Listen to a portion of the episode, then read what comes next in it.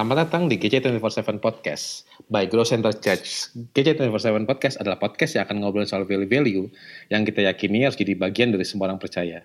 Di sini kita akan bahas tentang Tuhan Yesus, generasi, generosity, tentang karakter yang intinya cara hidup murid-murid Yesus di zaman ini yang relevan banget buat kita semua. Senang banget uh, di bulan Desember ini udah udah sampai di minggu ketiga gitu um, dan semoga udah makin mendekati bulan Natal masih pada excited buat semua pendengar kita um, senang banget kalau minggu lalu um, kita dengar cerita uh, gimana kesaksian uh, dari GC Manado. Nah di minggu ini um, senang banget ada dua narasumber yang akan cerita-cerita banyak apa yang kita lakukan di um, planet lain gitu ya mungkin bisa dibilang ya. Jadi kita planet punya lain. dua, wah itu dia ada suaranya. Kita punya dua orang, ada Kak Julius dan ada Kak Bertoni.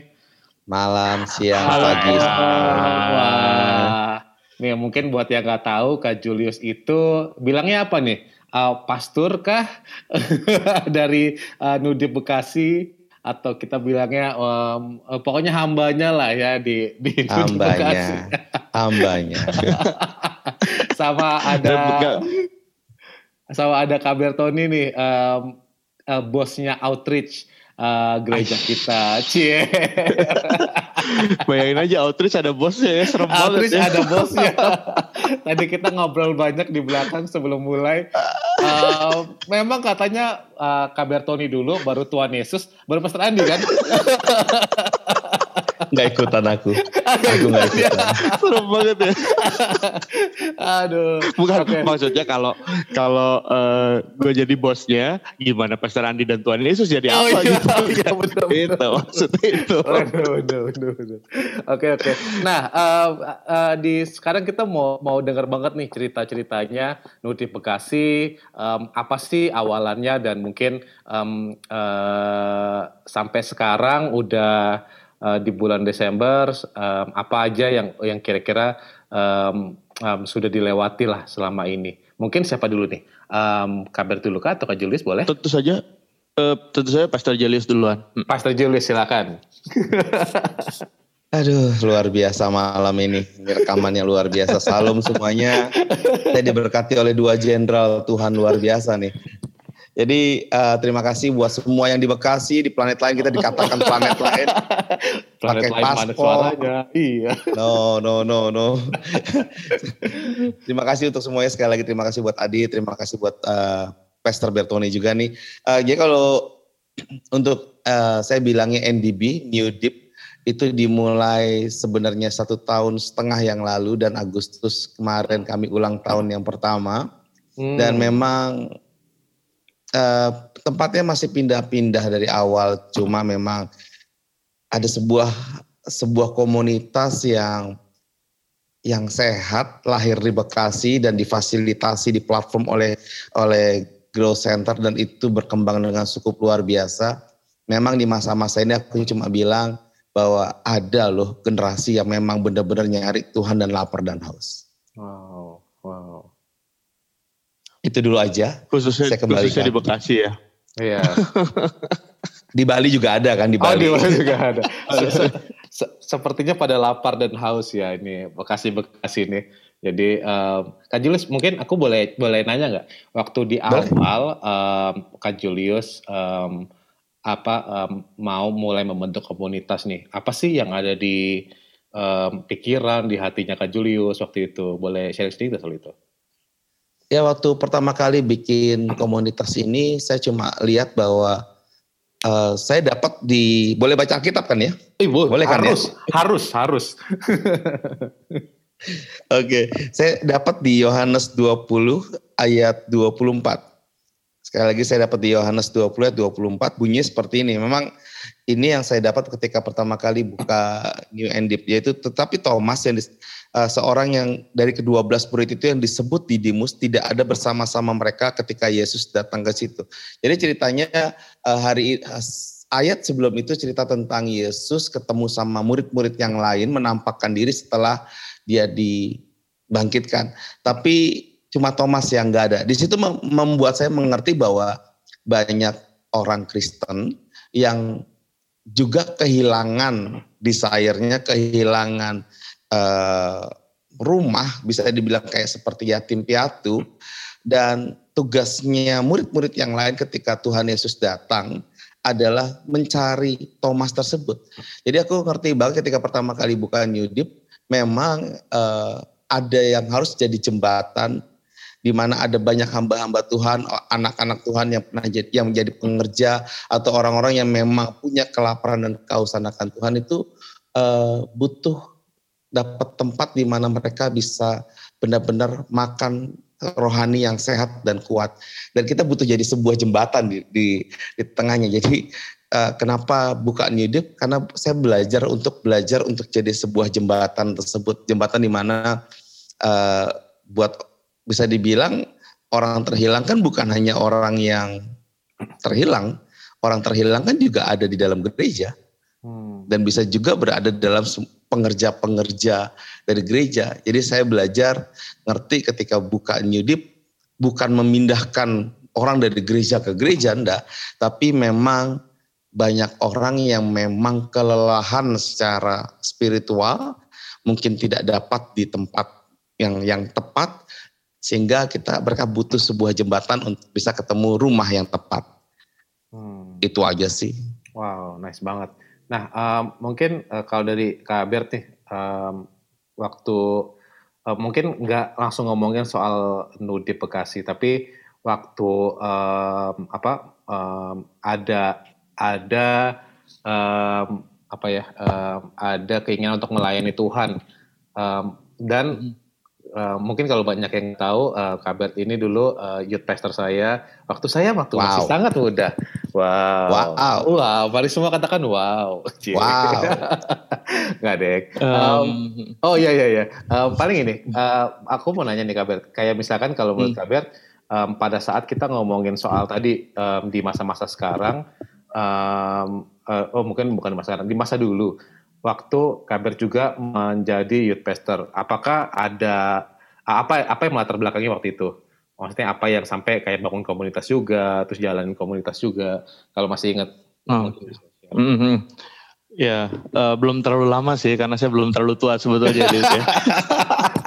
Yakin. Yakin nih. Yakin. Bayangin aja kalau gue jadi youth pastor waktu Adit masih kecil banget, rasanya gimana gitu ya. anyway, ada uban um, loh. ya, uban sih ada. Itu bukan uh, menunjukkan usia ya, Pastor Julius. Uban itu menunjukkan kedewasaan. Wow. Ah, siap, siap. Wow.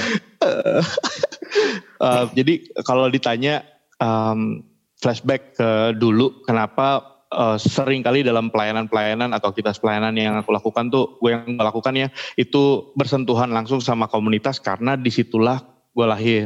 Hmm. gitu. Jadi um, dulu abis bertobat sebetulnya benar-benar memisahkan dari kehidupan dunia kan. Benar-benar asli nggak punya teman. Sempat ada fase itu tuh. Literally sekitar enam bulan hampir enam bulan tuh nggak punya teman. Ada memang uh, mentor rohani yang saya datengin seminggu sekali tapi nggak punya teman gereja bahkan waktu saya ke KKR saya ke KKR sendirian gitu. Gitu sampai saya ketemu sama sebuah komunitas yang kemudian mengubah hidup saya gitu. Kenapa? Karena komunitas jadi sebuah keluarga. Gitu ketika kebenaran bukan cuma disampaikan tetapi kebenaran itu diperlihatkan dan dihidupin. Itu itu yang sebetulnya ngubah. Gitu. Jadi dengan cara yang sederhana mereka mengubah hidup saya. Mereka dengan keteladanannya kakak-kakak rohani saya, teman-teman rohani saya gitu itu uh, memberkati saya dan memberikan nilai yang mengubah hidup saya. Dan dari titik itu sebetulnya yang kemudian menginspirasi saya at any time saya ada di dalam sebuah pelayanan saya dorong konsep itu kekeluargaan, penerimaan, keterbukaan gitu. Jadi ya um, dan itu sebetulnya nilai dari sebuah komunitas gitu. Jadi jadi benar-benar semua orang ngerasa feel at home gitu hmm. karena ya itu diterima, dimengerti gitu, didorong, ditegur juga sih, tetapi tetap stay dalam satu uh, komunitas. Itu itu sih sebetulnya backgroundnya banget ya. Kenapa hmm. uh, dalam pelayanan tuh banyak nuansa komunitas hmm, hmm. itu kurang lebihnya. Nah, um, Kabir, waktu lo akhirnya um, apa ini di diminta untuk um, lebih no outreach. Outreach, terus akhirnya hmm. um, kita mau mengarah ke Nudip Bekasi gitu. Nah waktu itu masih inget gak ceritanya apa oh. yang um, lo lakuin gitu, terus lo jalanin sampai akhirnya um, terjadilah diskusi Oh, oh ingat banget karena pertama kali saya ke Bekasi itu menempuh jarak eh, menempuh waktu kurang lebih tiga jam 20 menit. Hampir tiga setengah jam gitu. Sempat salah tempat gitu ya. Jadi itu pergumulan sendiri sih. Tetapi sangat uh, mengingat yang saya ya, sangat mau mengingat luar biasa. karena itu seru banget. Saya nggak pernah ke Bekasi daerah situ sebelumnya secara tadi lewat-lewat pernah. Cuma jadi saya harus konvoy sama uh, teman kantor terus dia sampai di satu titik kemudian saya harus meneruskan sendiri dan akhirnya saya kena uh, beberapa kali salah jalan tapi singkat cerita um, waktu itu sih kalau saya ngelihatnya begitu Pastor Andi uh, sounding mengenai satu komunitas di Bekasi yang yang saya pikirin banget uh, misi itu selalu lahir dari krisis gitu. Jadi yang saya percaya banget dan saya rasakan waktu pertama uh, kita do meeting plus doa, ingat nggak Pastor Julius di loteng atas ya waktu itu ya? loteng atas yes. ya waktu itu ya. Gak sebut, gak Karena sebut merek ya, gak boleh sebut merek. Gak boleh sebut merek yeah. kan. Iya. Loteng di atas, sebuah restoran betul, loteng atas, atas ya. Betul. Nah gitu, jadi di situ tuh saya ngerasa banget bahwa memang anak-anak itu punya sebuah krisis dan misi sama krisis emang nggak pernah bisa dilepasin. Itu zaman dulu ketika kisah para rasul itu disampaikan, kamu akan menerima kuasa ketika Roh Kudus turun atas kamu. Jadi kuasa diterima untuk menggerakkan mereka bermisi gitu, untuk bersaksi dalam hal itu. Jadi uh, di situ dikarenakan ada sebuah krisis. Saat itu tuh ada krisis banget. Ya selain ada krisis ekonomi, politik, ada krisis iman. Hmm. gitu saat itu mereka ditekan di pressure gitu jadi ya ada sebuah uh, sebuah gairah yang muncul karena sebuah tekanan dan uh, suasana itu tuh saya tangkep banget waktu uh, pertemuan pertama di loteng atas di Bekasi itu gitu. Anak-anak ini ada dalam krisis gitu. Ada dalam krisis artinya mereka tuh ada sebuah erangan ada ada sebuah keresahan dalam hatinya. Dan di momen itu sebetulnya uh, kuasa itu bisa turun gitu karena kuasa akan menghadirkan jawaban, kuasa akan menghadirkan lawatan, kuasa akan menghadirkan pemulihan dan kemudian itu bisa jadi uh, sebuah uh, kekuatan yang dahsyat banget untuk melakukan sebuah perubahan. Hmm. Kurang lebih itu dari saya. Terima kasih. Bye. Wow. belum gak gitu dong. Belum, belum, belum. Gak gitu. Belum, mau ke mana ya? uh, Oke, okay, kalau balik lagi ke Kak Julis nih. Kak Julis, um, uh, waktu waktu tadi uh, sempat bilang soal jadi jembatan terus um, akhirnya meresponi panggilan lah gitu. Nah um, dari sisinya Kak Juli sendiri um, apa um, um, memulainya kan karena itu. Nah ini kan udah setahun bulan Agustus kemarin tuh setahun. Apa boleh cerita nggak um, apa sih uh, struggle-struggle yang dialamin gitu? Um, kita mungkin banyak yang dengar mungkin apa nggak begitu uh, memahami karakteristik orang-orang um, uh, Bekasi kayak apa apakah sama makanannya, apakah sama gitu-gitu. Kalau boleh cerita sedikit Kak Julius. Luar biasa, makanan kami sama oh, sama, loh. Ya. sama loh. Oh, sama. Tadi tiga setengah jam loh. Tiga setengah jam tadi. itu itu tiga setengah jam itu karena dia menggunakan Apollo. Jadi uh, memang memang uh, saya saya bersyukur banget sama teman-teman di Nidip. Jadi hampir setahun juga uh, kami itu dari Bekasi itu naik bus ke Gandaria City selama setahun. Oh, wow. Dan itu uh, bus itu bisa dibilang tidak pernah kosong. Dan sebelum sebelum kami naik bus, jadi dimulai dengan uh, saya saya saya itu uh, diberkati oleh anak saya. Anak saya yang paling sulung itu selalu ke Gandaria City. Nah kalau dia ke Gandaria City sendirian, saya beribadah waktu itu di Bekasi. Nah ketika dia ber, uh, makin lama dia ke Gandaria City dia bawa teman, makin lama makin bawa teman. Hmm. Sampai akhirnya saya ikut sama sama anak saya, kami pakai dua mobil dan empat motor. Cuma satu motor kecelakaan. Hmm. Karena memang jarak yang cukup jauh dan waktu sampai ke Pester Andi saya bilang Pester ini kami makin banyak cuma tiba-tiba ada satu anak kecelakaan tiba-tiba difasilitasi sama Pester sesuatu yang luar biasa. Hmm. Nah, kalau ditanya uh, kok bisa ya uh, uh, NDB itu uh, berkembang banget di Bekasi.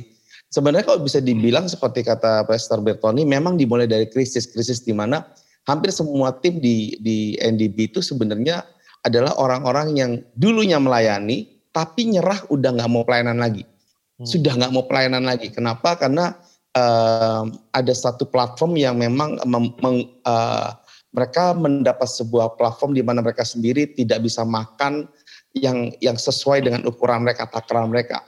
Jadi mereka terus dipergunakan terus. Nah, tapi saya mau bilang satu kalimat uh, yang bikin NDB itu bisa bisa benar-benar bertumbuh luar biasa selama hampir satu tahun jujur ini adalah nilai-nilai dari GC.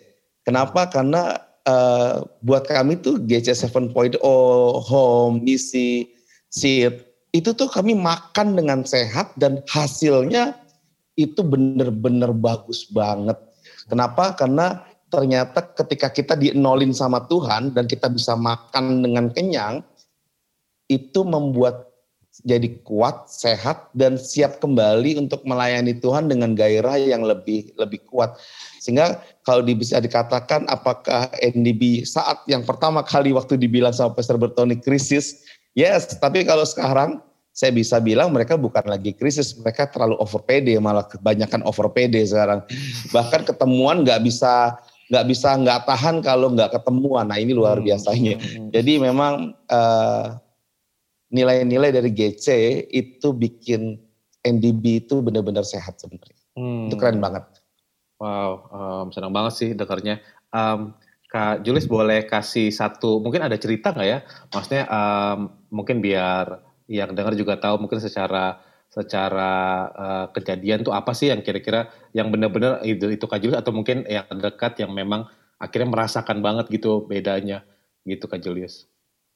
Bedanya pertama waktu jadi pertama ada ada ada tim kami uh, papanya meninggal. Waktu papanya meninggal uh, sebagai komunitas tentunya waktu kami belum pernah belum belum jadi NTB di bawah naungan GC masih benar-benar uh, masa-masa pendekatan.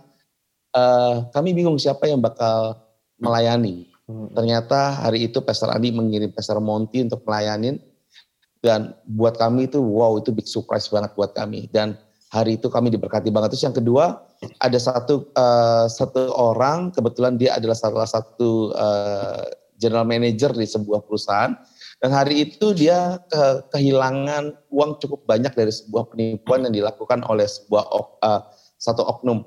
Nah kebetulan sehari se, seminggu sebelumnya istrinya belajar tentang healthy finance di mana bisa hmm. ngemot apa uh, ngamplop-ngamplopin uang belanjaan segala macam. Jadi ketika pas suaminya cuma tinggal disisain 2000 perak di ATM-nya, itu istrinya enggak shock banget-banget. Kenapa? Karena dia bisa bilang ke suaminya, bu sampai akhir bulan uang aman. Dan itu itu menyebar ke NDB dan berkata, wow ini ini, ini bukan hanya berguna, ini real banget. Dan itu apa-apa yang masuk dalam uh, dalam pelajaran pengajaran yang dikasih itu bisa teraplikasi dengan dengan kuat banget. Hmm, itu sih. Wow, senang banget denger ya. Um, puji Tuhan sih kayak um, apa malah mungkin karena karena just kita jadi lebih banyak belajar ya hari-hari ini ya gitu dan Betul. puji Tuhan maksudnya ada kedengar cerita yang bagus banget. Nah um, mungkin aku mau tanya ke Kabert nih, Kabert waktu um, akhirnya awal-awal um, apa uh, dimulai dari proses tadi di loteng atas, Uh, mungkin sampai ada lidah-lidah api mungkin ya di loteng atas itu uh, uh, boleh cerita nggak?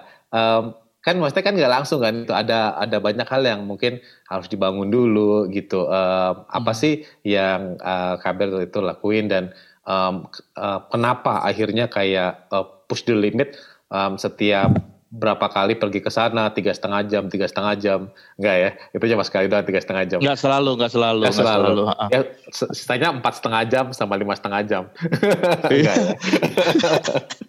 iya boleh cerita nambah ya? Nambah ya kok nambah ya jamnya? Soalnya beda kayak gini oh iya iya oke oke oke.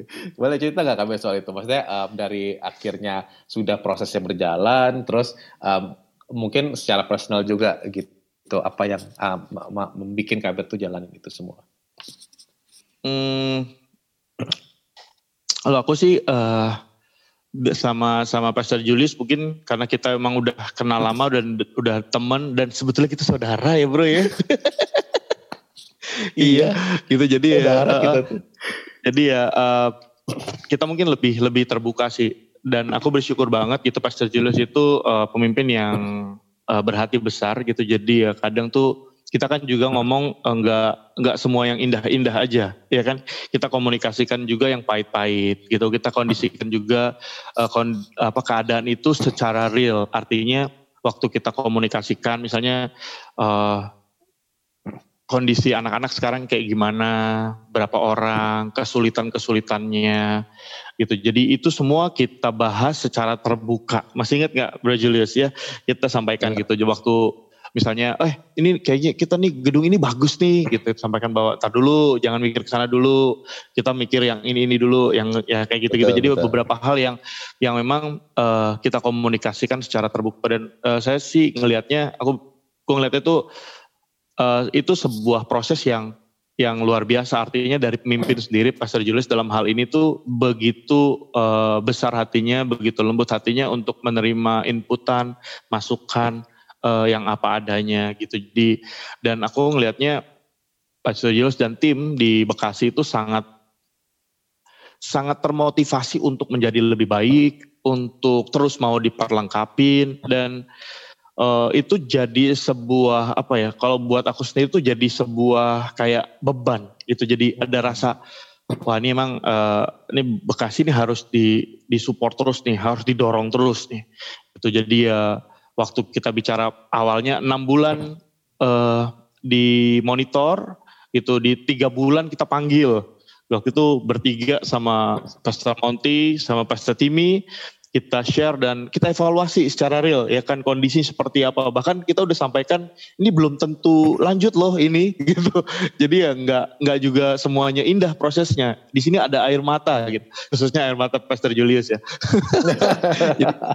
Itu yang yang yang aku lihat. Tapi aku gua atau gua ya enaknya gua ngeliat tuh Pastor Monty, Pastor Timmy, Pastor Doni, even Pastor Andi gitu kita bisa bisa ngelihat bahwa hati ini enggak apa ya enggak diem gitu aja gitu. Ngelihat kerja keras teman-teman di Bekasi keseriusan mereka setiap minggu seperti bangsa Israel muter-muter di padang gurun ya. Berusaha mencapai ganti. Iya kan? Eh, pernah udah nunggu muter di Bekasi. busnya busnya nggak nyampe itu kejadian loh. Hari minggu busnya nggak nyampe ya kan? Masih Julius kan? Ya, ya, bayangin betul. aja eh, betul, bus ditunggu-tunggu nggak nyampe ternyata busnya rusak. Hmm. gitu. Dan berangkat dengan Grab. Berapa mobil tuh ya masing-masing. Tapi kita lihat itu luar biasa seperti di Matius 936 hati Tuhan Yesus tergerak ngelihat orang banyak itu gitu. Wow. Begitu juga hati Pastor Andi, hati Pastor Pastor Monty, Pastor Timmy, Pastor Doni gitu. Hati aku sendiri ngelihat bahwa wah ini anak-anak yang yang luar biasa. Mereka tuh bener-bener ngeluarin effort yang maksimal untuk uh, bisa ketemu Tuhan, ngalamin Tuhan di GC dan terus. Jadi tahapan-tahapan itu tuh yang sebetulnya uh, membekas banget, menginspirasi banget, membuat kita tuh uh, terus berdoa supaya New Deep Bekasi ini tuh bisa bisa eksis, bisa nyata jadi sebuah komunitas yang nantinya enggak cuma jadi cabang dari Grow Center Church yang di Gandaria, tapi jadi sebuah komunitas dan gereja yang bisa ngerubah Bekasi. Karena itu oh, mimpi awalnya yes. Pastor Andi. Betul ya? yes. ya? Waduh. Jadi kurang lebih sih kayak gitu sih. Uh, um, Kak Julis ada mau ditambahin nggak soal perjalanan-perjalanan tadi tuh? Ya memang Pastor Bertoni ini bukan bukan bukan hanya berjasa buat kami. Memang beliaulah yang uh, jadi bridge yang luar biasa, jembatan yang luar biasa kami. Thanks ya Pastor Bertoni. Sekali lagi thanks banget. Thanks sangat sangat sangat thanks. thanks iya. banget. Dan karena, uh, saya coba karena mau nggak mudah ya nyusun nyusun jadwal pembicara ya yang mundur-mundur terus ya. Itu ribet banget ya tapi tapi yang boleh aku bisa sampaikan adalah GC itu terutama Gandaria ruangan Gandaria itu buat kami itu bukan hanya tempat di mana kami bisa ketawa Anda. Setiap kali kami ke GC itu benar-benar bisa ngerasain bukan bisa ngerasain memang Tuhan di situ Itu intinya Tuhan di situ. Dan ketika kami dari Bekasi ke sana, kami nggak nggak nggak lihat lightingnya, kita nggak lihat LED-nya, nggak lihat WL-nya yang juga dari Bekasi, nggak juga. Tapi memang kami kenapa kami ke sana karena Tuhan memang tarik kami ke sana wow. untuk makan itu sumur buat kami dan ketika kami disuruh, disuruh buka buat Bekasi kami tahu ada banyak orang yang harus ngalamin Tuhan di Bekasi. Sesederhana itu aja. Jadi bukan tentang program, bukan tentang sistem, tapi memang tentang apa yang Tuhan taruh. Dan ini dari sebuah bibit, dari sebuah benih, dan benihnya ternyata tumbuh dengan dengan subur dan saya percaya banget kalau NDB Bekasi berhasil, aku percaya juga bakal ada NDB NDB lain di seluruh Indonesia yang akan akan ada dan itu itu itu akan berpengaruh sangat besar buat buat revival. Wow. Saya percaya banget. Wow, amin. Um, mungkin um, tadi banyak yang bingung Nudip Nudip ini apa? Nudip ini salah satu um, program outreach ya, um, kabar ya, ya, ya. Uh, untuk pembentukan apa mensupport komunitas gitu. Memang yang yang kita uh, salah satu apa um, bibit awal di bibit unggul uh, anak sulungnya ini Bekasi ya. Untuk dimulai ya Kak Julius ya. Gitu. Betul sekali. Kata kata Pastor Bertoni begitu sih katanya. Katanya begitu ya.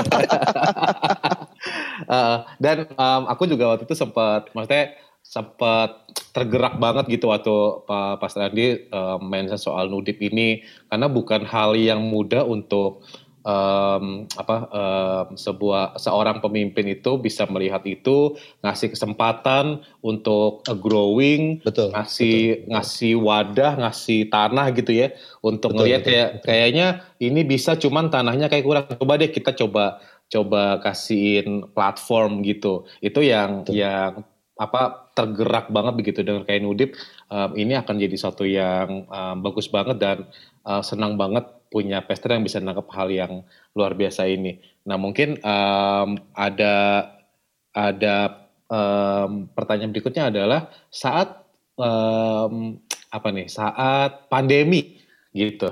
Kak Julius, apa yang terjadi nih di Nudip Bekasi ini saat pandemi ini? Aduh.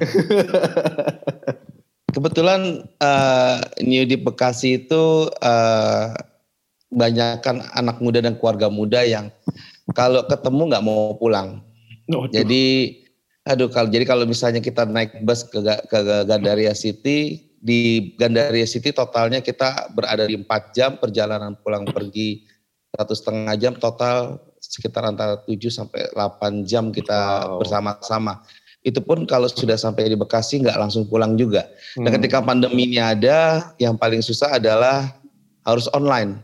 Hmm. Dan online itu kita ngelihat muka tapi nggak bisa menyapa dengan fisik itu itu sungguh sangat sangat menderita buat mereka semua. Oleh karena itu uh, kadang memang sesuai dengan protokol kesehatan yang ada, saya harus mau nggak mau tapping, tapping hmm. di, di kebetulan di rumah saya Nah, kalau masa-masa tapping itu adalah masa-masa yang buat saya adalah pergumulan luar biasa. Kenapa? Karena uh, mereka menggunakan itu sebagai kadang-kadang untuk uh, yang datang tapping bisa lebih daripada yang seharusnya sehingga harus ada yang dipulangin, harus ada yang diusir-usir, sehingga kadang-kadang kita berpikir wah ini luka batin nih, luka batin nih. Tapi ya lebih baik seperti itu daripada nantinya nggak bisa jalan terus, sehingga akhirnya bisa dibilang masa-masa pandemi ini uh, ada beberapa dari tim kita juga terkena uh, virus dan kita kirim mereka makanan, kita kirim mereka obat-obatan. Uh, karena rata-rata yang kena corona udah berpikir mereka sudah udah mau meninggal, udah mau dipanggil Tuhan, mereka sudah bikin wasiat. Hmm. Ternyata uh, setelah kita kirimin makanan minuman, mereka berkata kok nggak mati-mati ya, ya, ya sudah selesai.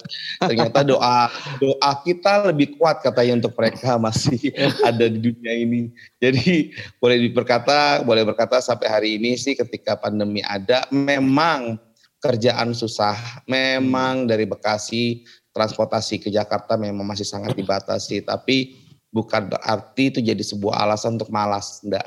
Enggak jadi alasan untuk malas. Tetap semua di NDB itu belajar untuk bekerja dan cari kerja kalau yang nggak kerja dan kalau memang mereka sakit buat kami jangan nggak boleh malu untuk berkata kami kena, nggak boleh karena buat kami kesehatan itu lebih nyawa itu lebih penting dibanding sebuah ego. Jadi itu yang boleh kami lakukan sih sesederhana itu. Jadi kita tapping dengan terbatas tapi tetap benar-benar uh, kekeluarganya dapat. Hmm, wow. Asik. Asik banget sih ini. Gue inget banget tuh pas Julius tuh waktu uh, apa banjir-banjir dulu ya, banjir-banjir ya. Sebelum pandemi kan, kan kita pandemi. tuh udah Iya kan di luar pandemi. Itu, itu openingnya. Oh iya. itu iya. preface-nya soalnya. Karena uh, pas pas lagi banjir-banjir itu kan kita datang tuh. Itu seru hmm. banget loh, Dit. Karena waktu itu uh, tim New Day Bekasi tuh lagi ngumpul di satu rumah dan hmm. kemudian tiba-tiba banjir datang betul nggak Mas Julius beneran dan mereka nggak bisa keluar iya Iya seru banget terus terus dan dan yang seru itu sebetulnya uh, bukan itu aja jadi waktu kita datang tuh kan kita bawa sembako ya bawa sembako banyak banget obat-obatan gitu ya P3K untuk kebutuhan uh, first aid sih sebetulnya pertolongan pertama aja cuma yang dicari bukan itu loh yang dicari itu lilin sama korek. karena karena Bekasi itu lagi mati lampu hampir dua kali 24 jam betul ya Pak Julius ya. Betul betul gitu. betul. Tapi itu betul, betul.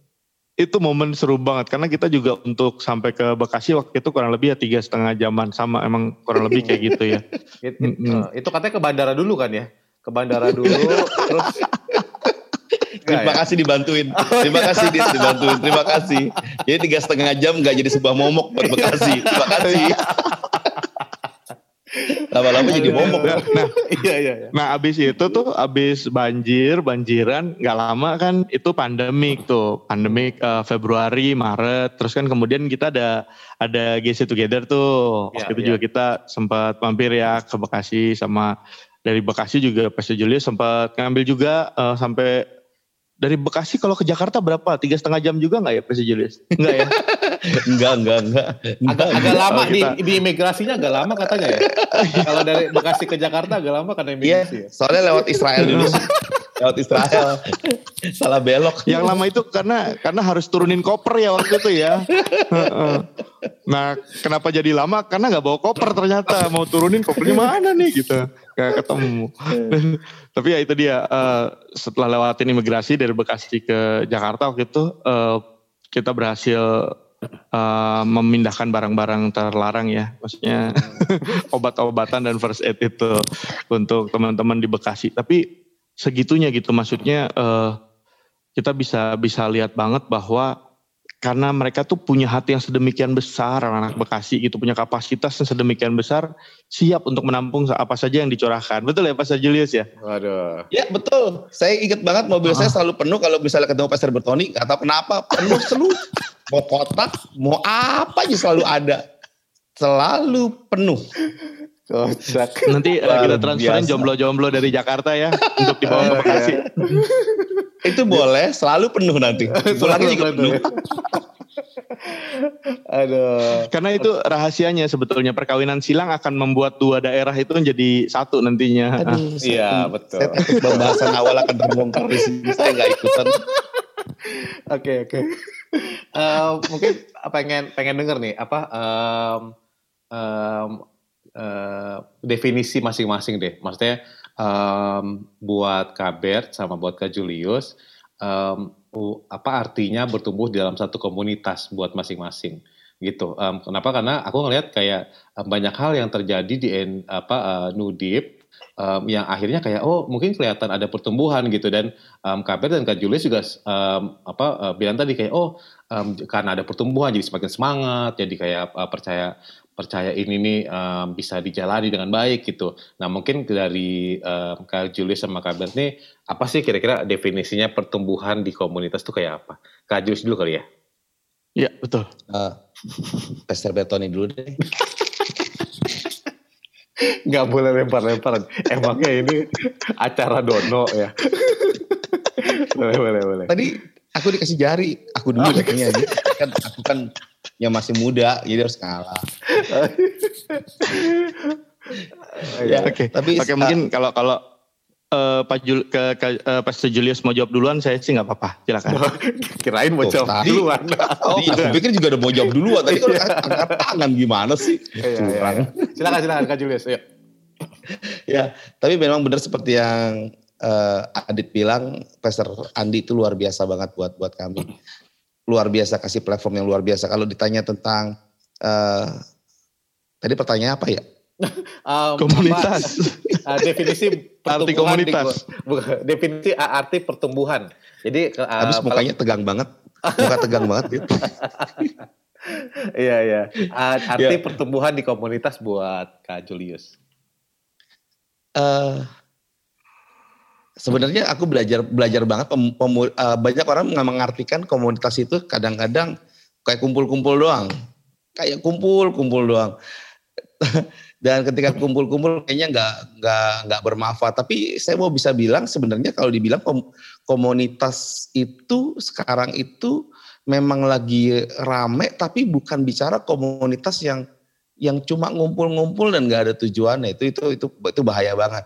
Nah komunitas yang yang dibangun sama Pastor Andi dengan dengan NDB itu buat saya adalah komunitas di mana salah satu yang paling kuatnya adalah back to Bible, belajar kembali ke Alkitab. Jadi bener-bener nggak cuma uh, perkumpulan sepeda, perkumpulan orang yang suka motor, tapi ujungnya cuma jalan-jalan doang. Enggak, itu itu itu namanya bukan bukan komunitas yang Kristen banget itu artinya cuma memang kayak klub doang sebenarnya.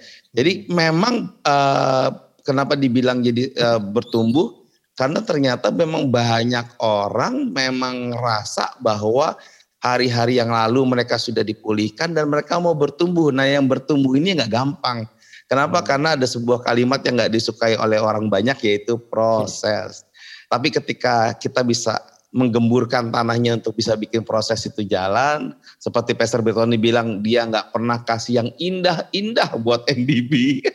Prosesnya nggak pernah dikasih yang indah, bener nggak pernah indah tapi uh, memang tanah yang untuk bikin pertumbuhan itu memang kan harus selalu digali dan aku ingat banget aku punya pohon mangga dan pohon mangga itu harus di apa tuh disabit-sabit untuk bikin buahnya tambah banyak dan ternyata luar biasa banyak banget. Jadi memang kadang-kadang tugasnya outreach ini untuk mukul-mukul ya Pastor Betoni ya untuk bikin sehat gitu, sehat dan luar biasa di kita jadi sehat. Tapi saya nggak luka-luka kok, saya nggak luka-luka. saya aman kok.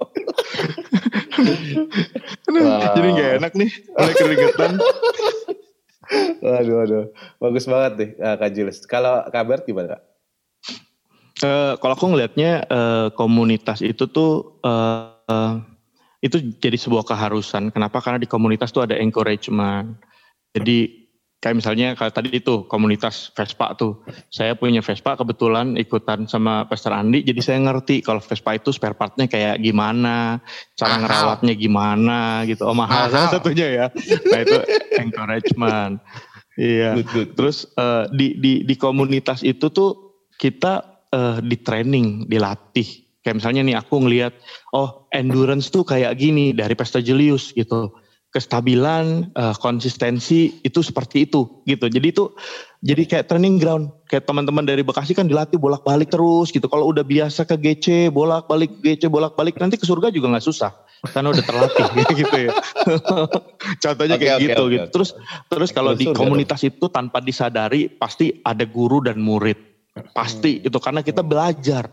Gitu. Aku belajar dari Pastor Julius, aku belajar bahkan dari anak-anak di NDB yang waktu datang, wow, mereka secara musikalitas tuh dengan alat yang uh, apa adanya, tapi totalitas gitu, hmm. keseriusan, fokus mereka gitu. Jadi aku tuh menempatin diri walaupun diundang sebagai pembicara misalnya, tapi aku ngelihat oh, aku diberkati dengan kondisi seperti itu. Jadi dalam hal itu teman-teman di Bekasi jadi guru buat aku dan aku jadi muridnya. Ya, komunitas tuh sering kali berfungsi kayak gitu. Dulu aku banyak banget diberkatin sama teman-teman yang mungkin lebih muda karena dalam satu komunitas kan di, di komunitas pasti seperti Amsal bilang besi menajamkan besi manusia ya, orang menajamkan sesamanya gitu. Betul. Jadi ya pasti ada kayak kayak compliance kayak pertanggungjawaban satu sama lain. Kita dituntut. Misalnya saya ngomong on time, gitu pasti yang lain juga minta saya melakukan itu gitu. Hmm. Jadi komunitas itu akan tanpa sadar membuat kita bertumbuh seperti tadi yang uh, ada tanya tuh. Ya akan membuat hmm. kita tuh didorong untuk jadi lebih baik. Kenapa? Karena di sana ada encouragement, di situ jadi training ground, di situ kita belajar dari orang lain dan kita dituntut untuk mempertanggungjawabkan apa yang kita sudah tahu gitu. Jadi ya buat aku sih komunitas itu jadi wajib banget, jadi penting banget. Jadi kita nempatin Betul. diri kita di sebuah komunitas itu memang uh, awalnya mungkin kita pengen absorb sesuatu, pengen dapetin sesuatu, tapi percaya deh, begitu kita benar-benar jadi member di komunitas itu, pasti kita akan berubah jadi orang yang lebih baik karena kita dituntut di sana tanpa sadar, secara organik itu, secara natural dan itu sehat banget. Jadi ya kalau misalnya boleh ditanya apakah komunitas akan memberikan pertumbuhan once kita benar-benar serius nyemplung ke dalam sebuah komunitas?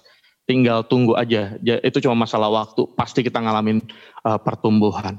Wow. begitu sih. Menurut saya. Thank you. Bye. Wow. tadi bye mulu. Uh, oh. Um, Wah itu bagus banget sih, maksudnya kayak udah wrap up dari semua obrolan kita dari Kak Julius, dari Kak Bertoni juga.